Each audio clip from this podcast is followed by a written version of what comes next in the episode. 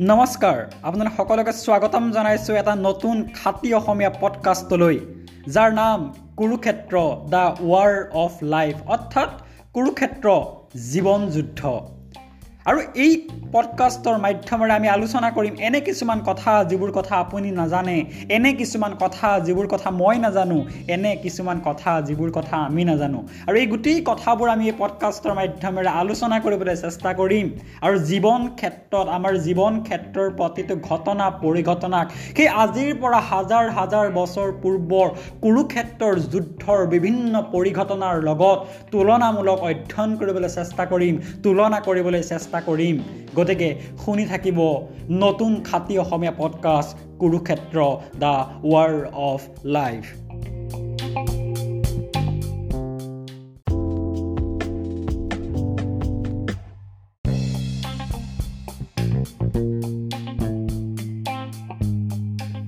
আমি আজি মহাভাৰতৰ এটা বিশেষ পৰ্বৰ এটা বিশেষ খণ্ডৰ এটা বিশেষ কাহিনীৰ কথা পাতিম। আপোনালোকে সকলোৱে হয়তো মহাভাৰত চাইছে। মহাভাৰতৰ কাহিনীবিলাক আপোনালোকে হয়তো টেলিভিশ্যনৰ পৰ্দাত দেখিছে নতুবা কিতাপৰ পাঠত পঢ়িছে নতুবা মুখে মুখে চলি অহাও শুনা পাইছে। আৰু সেই মহাভাৰতৰে বান পৰ্বৰ এটা বিশেষ কাহিনীৰ কথা আমি আজি আলোচনা কৰিম। কাহিনীটো আলোচনা কৰিবলৈ হ'লে আমি ঘূৰি যাব লাগিব। মহাভাৰতৰ পঞ্চ পাণ্ডৱৰ যি বনবাস চলি আছিল সেই বনবাসৰ কালচোৱালৈ পঞ্চ পাণ্ডৱে ইতিমধ্যে পাহা খেলত সকলো হাৰিলে ধন টকা পইচা নিজৰ সা সম্পত্তি সকলো হাৰিলে। তাৰপিছত তেওঁলোকে বাৰ বছৰৰ বনবাস আৰু এটা বছৰৰ অজ্ঞাতবাসৰ কাৰণে তেওঁলোকে গুচি গ'ল। আৰু সেই বাৰ বছৰৰ বনবাসৰ কালচোৱাত তেওঁলোকে নানান ধৰণৰ পৰীক্ষাৰ সন্মুখীন হ'ল। তেওঁলোকে নানান ধৰণৰ পৰীক্ষাৰ সন্মুখীন হ'ব লগা হ'ল। তেওঁলোকৰ বুদ্ধিৰ পৰীক্ষা লোৱা হ'ল। তেওঁলোকৰ সততাৰ পৰীক্ষা লোৱা হ'ল। আৰু অৱশেষত তেওঁলোকে আহি এনেকুৱা এটা ষ্টেজত আহি উপনীত হ'ল যিটো সময়ত তেওঁলোকৰ বুদ্ধিৰ পৰীক্ষা লোৱা হ'ল। আৰু সেই সময়ত কি হ'ল? এদিন যুধিষ্ঠিৰৰ পিয়াহ লাগিলে। বনত ঘূৰি ফুৰোঁতে ৰ'দত বনত ঘূৰি ফুৰাৰ সময়ত যুধিষ্ঠিৰৰ পিয়াহ লাগিলে। আৰু তেতিয়া কি হ'ল? তেখেতৰ ভাতৃ নকুলে পানী বিচাৰি গ'ল। এটা জলাশয় পালেগৈ। এটা জলাশয়ত গৈ উপনীত হ'ল। জলাশয়টো দেখিলে ধুনীয়া তাত পানী আছে। আৰু জলাশয়টোৰ পৰা নকুলে পানী ল'বলৈ লওঁতেই এটা শব্দ শুনা পালে এটা বাক্য শুনা পালে। যে নকুল তুমি ইয়াৰ পৰা পানী লোৱাৰ আগতে মোৰ কেইটামান প্ৰশ্নৰ উত্তৰ দি লোৱা। যদি মোৰ প্ৰশ্নকেইটাৰ উত্তৰ দিয়াৰ অবিহনেই তুমি জলাশয়টোৰ পৰা পানী সংগ্ৰহ কৰা সেই পানী খালে তুমি মৰিবা। সেই পানী পয়জন হৈ যাব সেই পানী বিষ হৈ যাব। আৰু নকুলে ভাবিলে ইফালে মোৰ দাদা পৰি আছে পিয়াহত আৰু মই এজন অচিনাকি লোকৰ যাক মই এতিয়ালৈকে দেখাই নাই তেওঁৰ মাতটোহে শুনা পাইছোঁ। তেওঁৰ প্ৰশ্নৰ উত্তৰ দি সময় নষ্ট কৰাতকৈ মই পানী দি সোনকালে মোৰ দাদাক খুৱাব লাগে। আৰু তেওঁ পানী যেতিয়া ল'লে লোৱাৰ লগে লগে নকুলৰ মৃত্যু হ'ল। এতিয়া বহুত সময় ঘূৰি নাই যোৱা দেখি নেক্সট সহদেৱ আহিলে। সহদেৱেও পানী ল'বলৈ ধৰিলে। একেই শব্দ শুনা গ'ল একেই বাক্য শুনা গ'ল যে সহদেৱ পানী নিয়াৰ আগতে তুমি মোৰ প্ৰশ্নৰ উত্তৰ দিয়া। নহ'লে তোমাৰো মৃত্যু হ'ব। সেয়া তুমি দেখা পাইছা তোমাৰ দাদা মৰি পৰি আছে। সহদেৱেও একেই কথাই ভাবিলে।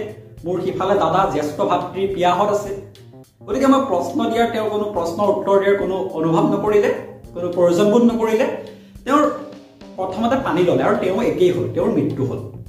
এজন এজনকৈ অৰ্জুন আহিলে ভীম আহিলে আৰু চাৰিওজনৰে মৃত্যু হ'ল। পঞ্চপাণ্ডৱৰ চাৰিজন মৃত্যু হ'ল। যুধিষ্ঠিৰক বাদ দি অৰ্জুন ভীম নকুল সহদেৱ চাৰিওজনৰ মৃত্যু হ'ল। এতিয়া বহুত সময় হ'ল ঘূৰি যোৱা নাই এজনো ভায়ে ঘূৰি যোৱা নাই। চ' এইবাৰ যুধিষ্ঠিৰ নিজে আহিলে। যুধিষ্ঠিৰে আহি দেখিলে চাৰিওজন ভাতৃ মৰি পৰি আছে। তেতিয়া সেই বাক্য আকৌ শুনা গ'ল। যুধিষ্ঠিৰ তুমি যদি পানী খাব বিচাৰিছা সেই পানী খোৱাৰ আগতে তুমি মোৰ প্ৰশ্নৰ উত্তৰ দিয়া। আৰু যদি প্ৰশ্নৰ উত্তৰ নিদিয়া তাৰ পৰিণাম কি হ'ব তুমি দেখা পাইছা? তোমাৰ সন্মুখত তোমাৰ চাৰিওটা ভাতৃৰ মৃতদেহ পৰি আছে। তেতিয়া যুধিষ্ঠিৰে সুধিলে যে আপুনি কোন হয় যাক আমি পানী খোৱাৰ আগতো আপোনাক উত্তৰ দি ল'ব লাগিব? তেতিয়া সেই যিটো শব্দ আহিছিল যিটো বাক্যবান আহিছিল তেওঁ ক'লে যে তেওঁ নিজৰ পৰিচয় দিলে। তেওঁ যক্ষ।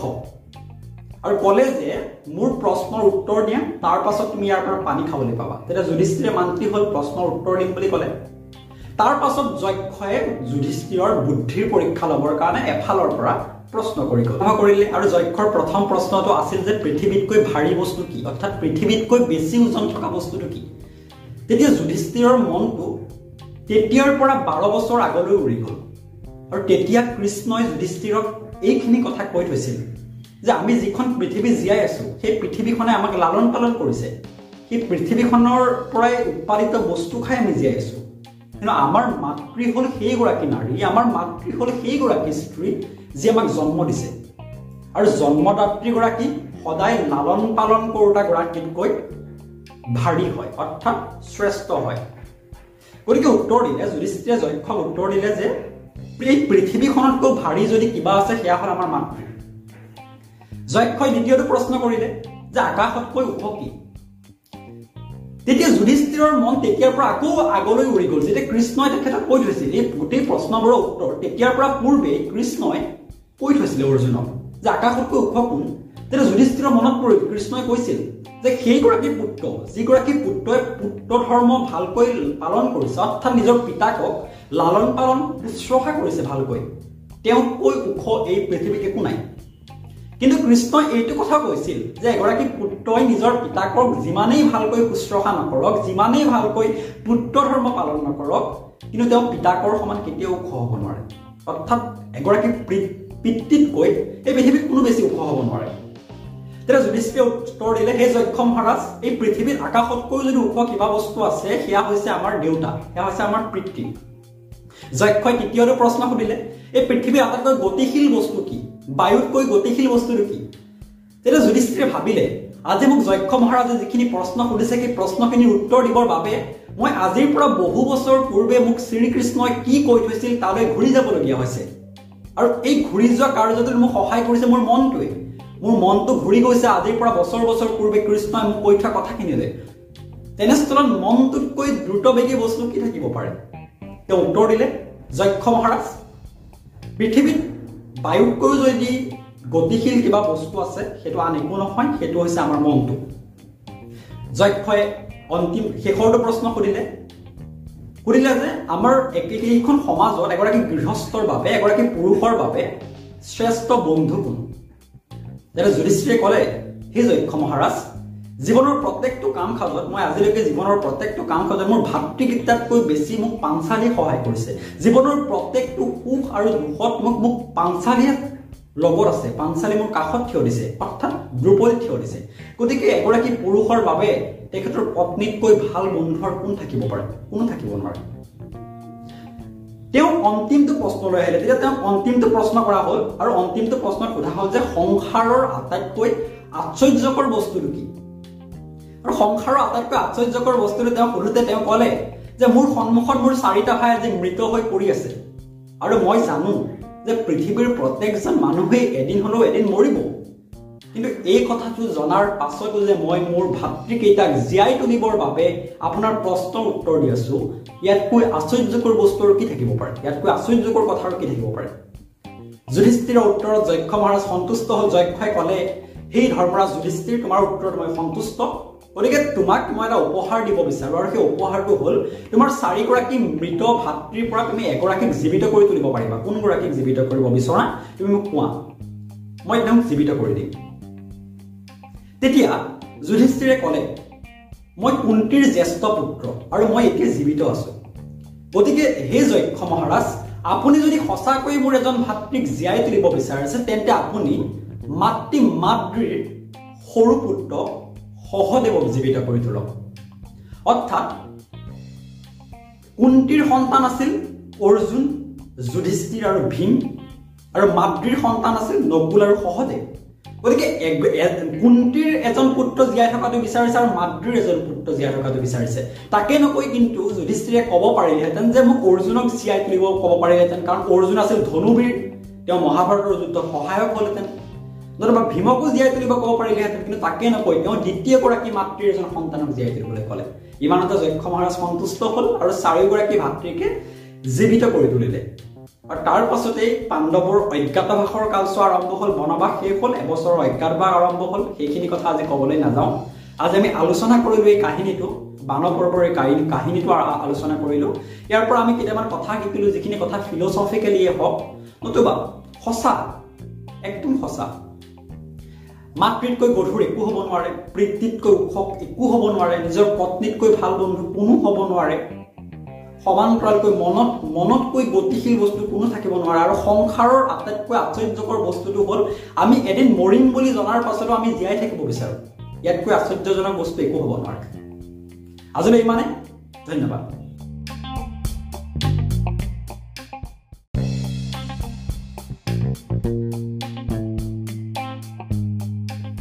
আমি আজি মহাভাৰতৰ এটা বিশেষ পৰ্বৰ এটা বিশেষ খণ্ডৰ এটা বিশেষ কাহিনীৰ কথা পাতিম। আপোনালোকে সকলোৱে হয়তো মহাভাৰত চাইছে। মহাভাৰতৰ কাহিনীবিলাক আপোনালোকে হয়তো টেলিভিশ্যনৰ পৰ্দাত দেখিছে নতুবা কিতাপৰ পাঠত পঢ়িছে নতুবা মুখে মুখে চলি অহাও শুনা পাইছে। আৰু সেই মহাভাৰতৰে বান পৰ্বৰ এটা বিশেষ কাহিনীৰ কথা আমি আজি আলোচনা কৰিম। কাহিনীটো আলোচনা কৰিবলৈ হ'লে আমি ঘূৰি যাব লাগিব। মহাভাৰতৰ পঞ্চপাণ্ডৱৰ যি বনবাস চলি আছিল সেই বনবাসৰ কালচোৱালৈ পঞ্চপাণ্ডৱে ইতিমধ্যে পাহা খেলত সকলো হাৰিলে ধন টকা পইচা নিজৰ সা সম্পত্তি সকলো হাৰিলে। তাৰপিছত তেওঁলোকে বাৰ বছৰৰ বনবাস আৰু এটা বছৰৰ অজ্ঞাতবাসৰ কাৰণে তেওঁলোকে গুচি গ'ল। আৰু সেই বাৰ বছৰৰ বনবাসৰ কালচোৱাত তেওঁলোকে নানান ধৰণৰ পৰীক্ষাৰ সন্মুখীন হ'ল। তেওঁলোকে নানান ধৰণৰ পৰীক্ষাৰ সন্মুখীন হ'ব লগা হ'ল তেওঁলোকৰ বুদ্ধিৰ পৰীক্ষা লোৱা হ'ল তেওঁলোকৰ সততাৰ পৰীক্ষা লোৱা হ'ল। আৰু অৱশেষত তেওঁলোকে আহি এনেকুৱা ষ্টেজত আহি উপনীত হ'ল যিটো সময়ত তেওঁলোকৰ বুদ্ধিৰ পৰীক্ষা লোৱা হ'ল। আৰু সেই সময়ত কি হ'ল? এদিন যুধিষ্ঠিৰৰ পিয়াহ লাগিলে। বনত ঘূৰি ফুৰোঁতে ৰ'দত বনত ঘূৰি ফুৰাৰ সময়ত যুধিষ্ঠিৰৰ পিয়াহ লাগিলে। আৰু তেতিয়া কি হ'ল? তেখেতৰ ভাতৃ নকুলে পানী বিচাৰি গ'ল। এটা জলাশয় পালেগৈ। এটা জলাশয়ত গৈ উপনীত হ'ল। জলাশয়টো দেখিলে ধুনীয়া তাত পানী আছে আৰু জলাশয়টোৰ পৰা নকুলে পানী ল'বলৈ লওঁতেই এটা শব্দ শুনা পালে এটা বাক্য শুনা পালে যে নকুল তুমি ইয়াৰ পৰা পানী লোৱাৰ আগতে মোৰ কেইটামান প্ৰশ্নৰ উত্তৰ দি লোৱা। যদি মোৰ প্ৰশ্নকেইটাৰ উত্তৰ দিয়াৰ অবিহনেই তুমি জলাশয়টোৰ পৰা পানী সংগ্ৰহ কৰা সেই পানী খালে তুমি মৰিবা। সেই পানী পয়জন হৈ যাব। সেই পানী বিষ হৈ যাব। আৰু নকুলে ভাবিলে ইফালে মোৰ দাদা পৰি আছে পিয়াহত আৰু মই এজন অচিনাকি লোকৰ যাক মই এতিয়ালৈকে দেখাই নাই তেওঁৰ মাতটোহে শুনা পাইছোঁ। তেওঁৰ প্ৰশ্নৰ উত্তৰ দি সময় নষ্ট কৰাতকৈ মই পানী নি সোনকালে মোৰ দাদাক খুৱাব লাগে আৰু তেওঁ পানী যেতিয়া ল'লে লোৱাৰ লগে লগে নকুলৰ মৃত্যু হ'ল। এতিয়া বহুত সময় ঘূৰি নাই যোৱা দেখি নেক্সট সহদেৱ আহিলে। সহদেৱেও পানী ল'বলৈ ধৰিলে। একেই শব্দ শুনা গ'ল একেই বাক্য শুনা গ'ল যে সহদেৱ পানী নিয়াৰ আগতে তুমি মোৰ প্ৰশ্নৰ উত্তৰ দিয়া। নহ'লে তোমাৰো মৃত্যু হ'ব। সেয়া তুমি দেখা পাইছা তোমাৰ দাদা মৰি পৰি আছে। সহদেৱেও একেই কথাই ভাবিলে। মোৰ সিফালে দাদা জ্যেষ্ঠ ভাতৃ পিয়াহত আছে। গতিকে মই প্ৰশ্ন দিয়াৰ তেওঁ কোনো প্ৰশ্নৰ উত্তৰ দিয়াৰ কোনো অনুভৱ নকৰিলে কোনো প্ৰয়োজনবোধ নকৰিলে। তেওঁৰ প্ৰথমতে পানী ল'লে আৰু তেওঁ একেই হ'ল তেওঁৰ মৃত্যু হ'ল। এজন এজনকৈ অৰ্জুন আহিলে ভীম আহিলে আৰু চাৰিওজনৰে মৃত্যু হ'ল। পঞ্চপাণ্ডৱৰ চাৰিজন মৃত্যু হ'ল। যুধিষ্ঠিৰক বাদ দি অৰ্জুন ভীম নকুল সহদেৱ চাৰিওজনৰ মৃত্যু হ'ল। এতিয়া বহুত সময় হ'ল ঘূৰি যোৱা নাই এজনো ভায়ে ঘূৰি যোৱা নাই। চ' এইবাৰ যুধিষ্ঠিৰ নিজে আহিলে যুধিষ্ঠিৰে আহি দেখিলে চাৰিওজন ভাতৃ মৰি পৰি আছে। তেতিয়া সেই বাক্য আকৌ শুনা গ'ল। যুধিষ্ঠিৰ তুমি যদি পানী খাব বিচাৰিছা সেই পানী খোৱাৰ আগতে তুমি মোৰ প্ৰশ্নৰ উত্তৰ দিয়া। আৰু যদি প্ৰশ্নৰ উত্তৰ নিদিয়া তাৰ পৰিণাম কি হ'ব তুমি দেখা পাইছা? তোমাৰ সন্মুখত তোমাৰ চাৰিওটা ভাতৃৰ মৃতদেহ পৰি আছে। তেতিয়া যুধিষ্ঠিৰে সুধিলে যে আপুনি কোন হয়? যাক আমি পানী খোৱাৰ আগতো আপোনাক উত্তৰ দি ল'ব লাগিব।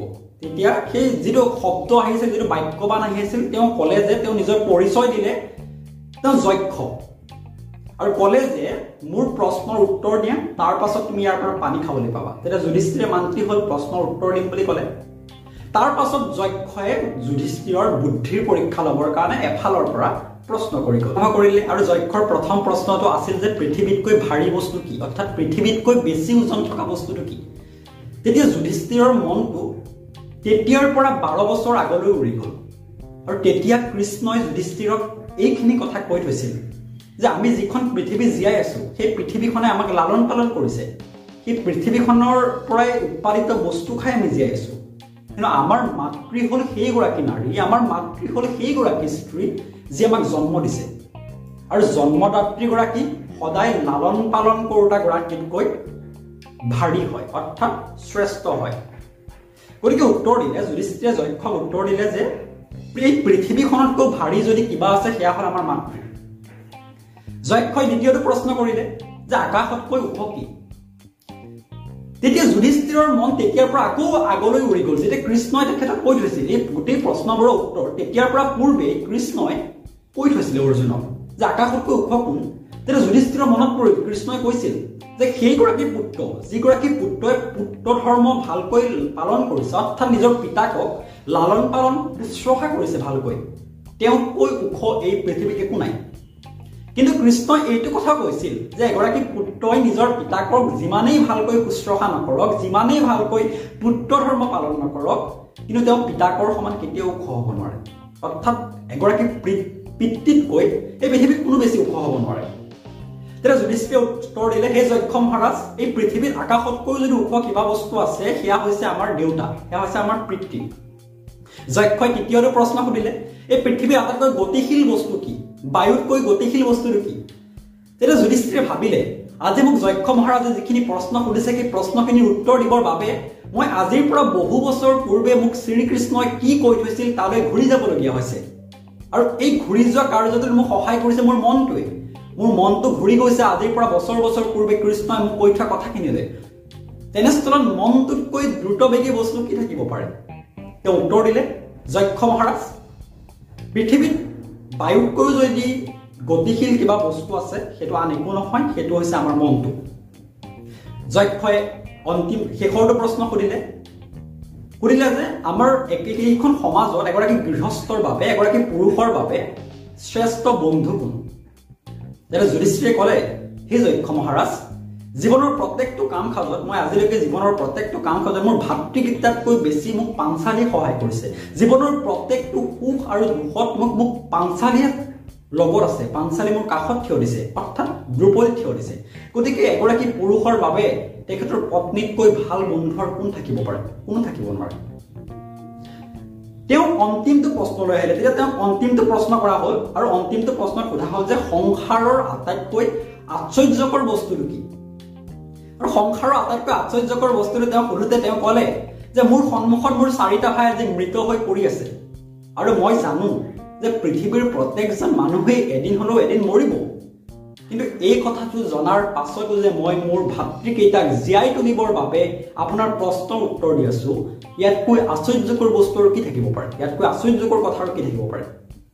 যুধিষ্ঠিৰৰ উত্তৰত যক্ষ মহাৰাজ সন্তুষ্ট হ'ল। যক্ষই ক'লে সেই ধৰ্মৰাজ যুধিষ্ঠিৰ তোমাৰ উত্তৰত মই সন্তুষ্ট। গতিকে তোমাক মই এটা উপহাৰ দিব বিচাৰোঁ আৰু সেই উপহাৰটো হ'ল তোমাৰ চাৰিগৰাকী মৃত ভাতৃৰ পৰা তুমি এগৰাকীক জীৱিত কৰি তুলিব পাৰিবা। কোনগৰাকীক জীৱিত কৰিব বিচৰা? তুমি মোক কোৱা। মই একদম জীৱিত কৰি দিম। তেতিয়া যুধিষ্ঠিৰে ক'লে মই কুন্তীৰ জ্যেষ্ঠ পুত্ৰ আৰু মই এতিয়া জীৱিত আছো। গতিকে হে যক্ষ মহাৰাজ আপুনি যদি সঁচাকৈ মোৰ এজন ভাতৃক জীয়াই তুলিব বিচাৰিছে তেন্তে আপুনি মাতৃ মাতৃৰ সৰু পুত্ৰ সহদেৱক জীৱিত কৰি তোলক। অৰ্থাৎ কুন্তীৰ সন্তান আছিল অৰ্জুন যুধিষ্ঠিৰ আৰু ভীম আৰু মাতৃৰ সন্তান আছিল নকুল আৰু সহদেৱ।